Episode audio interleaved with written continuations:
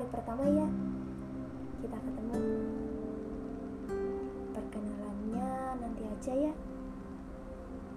Aku takut kalian tiba-tiba sayang kalau kita kenalan kali ini. Aku bakal bacain cerita pendek judulnya Kinan dan Juna. Selamat mendengarkan.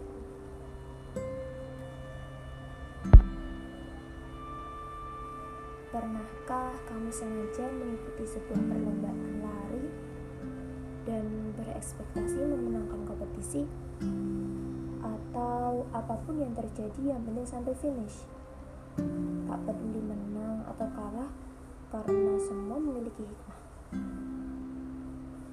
Halo, nama aku Kinan, umur 19 tahun, mahasiswi Fakultas Peternakan di tahun ketiga selama tiga tahun terakhir ini, hidupku hanya bergulat dengan kandang, hewan ternak, dan beberapa hal organik lainnya. Aku mempunyai postur tubuh dan wajah yang 11-12 dengan perilaku kansina. Bertubuh mungil dengan wajah bulat, alis tebal, dan memiliki warna lensa mata hazel. Cantik kan? Suaraku juga tak kalah merdu dengan Prilly Latukonsina. Tapi sebelum tersedak biji salak, aku golongan orang yang kompetitif. Apa pun yang kuusahakan hari ini harus kuperoleh keesokan hari. Umur 19 tahun adalah masa perkembangan setelah memasuki masa remaja. Tentunya kehidupan akan semakin diperumit oleh masalah uang, cita-cita, dan tak lupa cinta. Iya deh, cinta yang paling rumit. Cintaku ditolak berkali-kali oleh sahabatku sendiri. Ia bernama Juna, mahasiswa Fakultas Hukum, tahun ketiga juga. Juna satu angkatan denganku. Hanya kita beda program studi. Aku menyukainya sejak bangku SMA. Lama kan?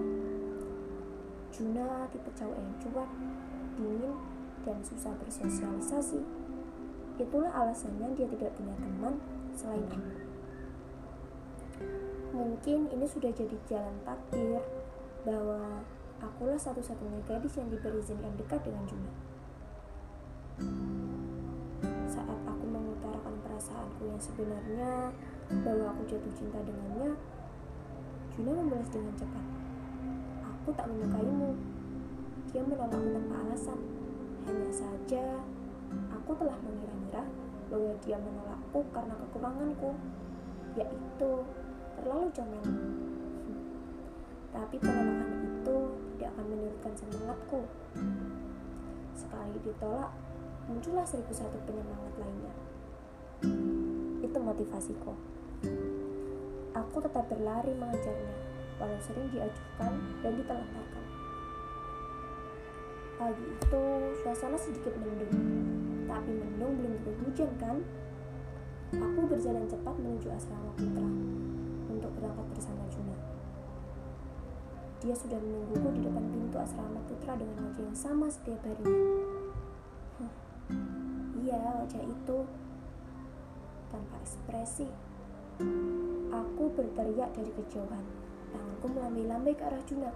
Juna, Juna, cepetan, gue udah telat nih 5 menit, kata Juna. Aku tetap memasang wajah ceria dengan senyum paling indah.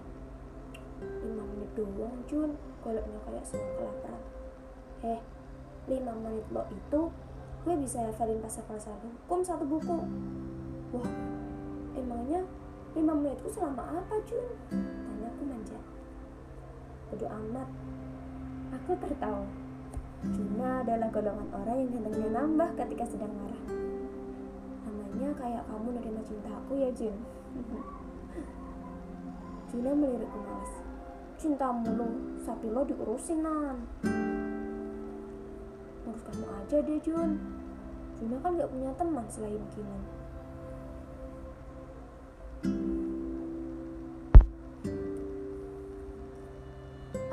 Aku dan Juna memasuki area gedung fakultas masing-masing. Fakultas peternakan berada di pojok kiri kampus, sedangkan fakultas hukum berada pada berada berada pada pojok kanan kampus. Jaraknya terlalu jauh seperti perasaan Juna.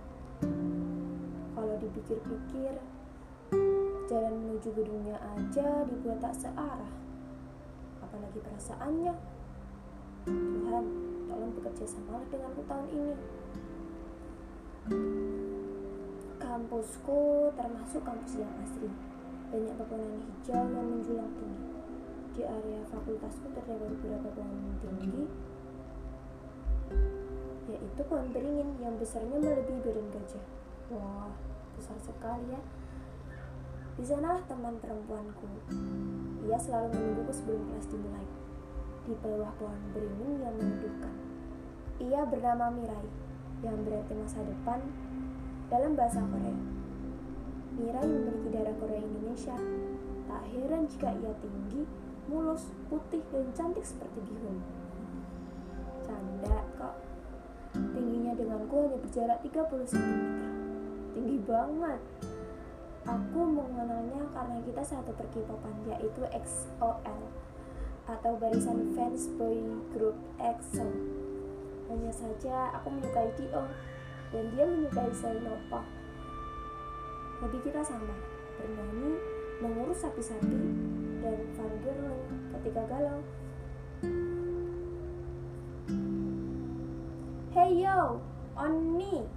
Teriakku mengejutkan seluruh makhluk hidup serta tak hidup seperti perkumputan, tanah-tanah, dan bebatuan. Hanya saja baiknya mereka tetap membisu. Menutup kedua telinganya kuat-kuat. Nan, semakin hari energimu semakin bertambah besar ya kelihatannya. Tentu dong, jawabku. Gimana dengan Juna? Apa ada perubahan? Tanya Mirai seakan-akan dialah pemantau yang handal. Aku meletakkan tasku di bawah rambutan yang bersih dan mengambil posisi duduk. Sini duduk dulu, nanti aku ceritain. Mirai langsung mengambil posisi duduk. Udah, ayo cepetan cerita. Sebenarnya masih gak ada perubahan sih, Mir. Ujarku dengan perasaan sedikit sedih. Mirai memegang pucuk kepala. Kinan, kali ini dengerin Umi ya. Kinan gak boleh stuck di satu orang. Belajar buka hati juga buat orang lain. Kalau kita mencintai seseorang, jangan beri semua hati untuk orang itu. Sisakan satu ruang untuk mencintai dirimu sendiri. Oke? Aku menghela nafas berat. Akankah hal yang aku sukai akan menikahiku juga? Seperti sebuah keajaiban. Temanku pada angin. Tuh kan, ini nih yang membahayakan dari menyukai seseorang. Sebuah harapan. Kau percaya orang itu bisa mencintaimu dan sedikit berharap. Lalu kau akan tersiksa karena harapan palsumu itu. Ucap Mira yang mendengar kau bergumam sendiri. Aku terdiam. Sedikit demi sedikit mencerna perkataan Mirai. Hah? Mencintai sepihak itu terasa seperti sebuah kebiasaan. Jatuh cinta, terluka, dan merasa penuh harapan tentang hal-hal yang bahkan tidak penting. Dan sekarang aku tidak bisa menggantikan kebiasaan itu. Mungkin Mirai ada benarnya juga. Sebenarnya yang menyakiti perasaan ketika timbul akibat menyukai seseorang adalah sebuah harapan. Tapi Tuhan memang sengaja menciptakan harapan agar kamu bisa mematahkan harapan itu dan membuat energi kita semakin bertambah. Dan aku percaya itu sih. HP Mirai berderi menarik. Mirai berjalan cepat menuju di balik pohon beringin. Ia segera mengangkat panggilan pacarnya. Ah, sebentar nan. Opa menelponku. Hmm, Mirai beruntung sekali sih. Andai aku juga punya pacar untuk diajak teleponan. Rasanya sekarang HP ku tak ada gunanya. Alih-alih juga yang kirim pesan, yang ada hanya spam operator. Aku membentuk HP pelan di rerumputan. Suara yang tenang ditemani mentari yang siap tenggelam. Warnanya jingga keorenan dan sangat indah. Aku berjalan menghampiri Juna ke gedung fakultas hukum. Hari yang sangat melelahkan karena tadi pagi harus praktek mengolah susu sapi dan racik pakan organik bergizi untuk ternak. Juna duduk di kursi panjang dekat area danau fakultas hukum. Kalau di fakultas terdapat banyak pohon beringin, di fakultas hukum terdapat danau yang indah seperti danau tapi dengan lingkungan yang sedang. Juna biasa menungguku di sana sambil menikmati senja dan secangkir kopi yang ia beli di kantin kampus.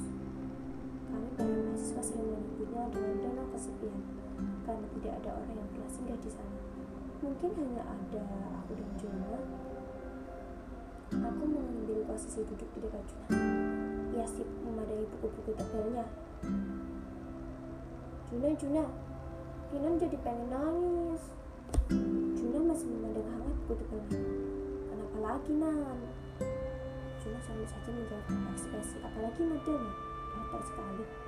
Mungkin jika ada perlombaan bicara dengan nada, Juna pasti akan dikalahkan seekor kucing. Kalian tahu lah, kucing aja kalau meong-meong ada nadanya. kan ada nadanya nah kalau ngomong itu lihat Kina jangan terus memandang buku tebal. Memangnya buku tebal itu bisa bahagiain Juna ucapku sedikit tebal lalu membelah baju Juna membalikkan posisi buku yang duduk membelakangnya sekarang aku dan Juna duduk berhadapan kenapa lagi sih Nan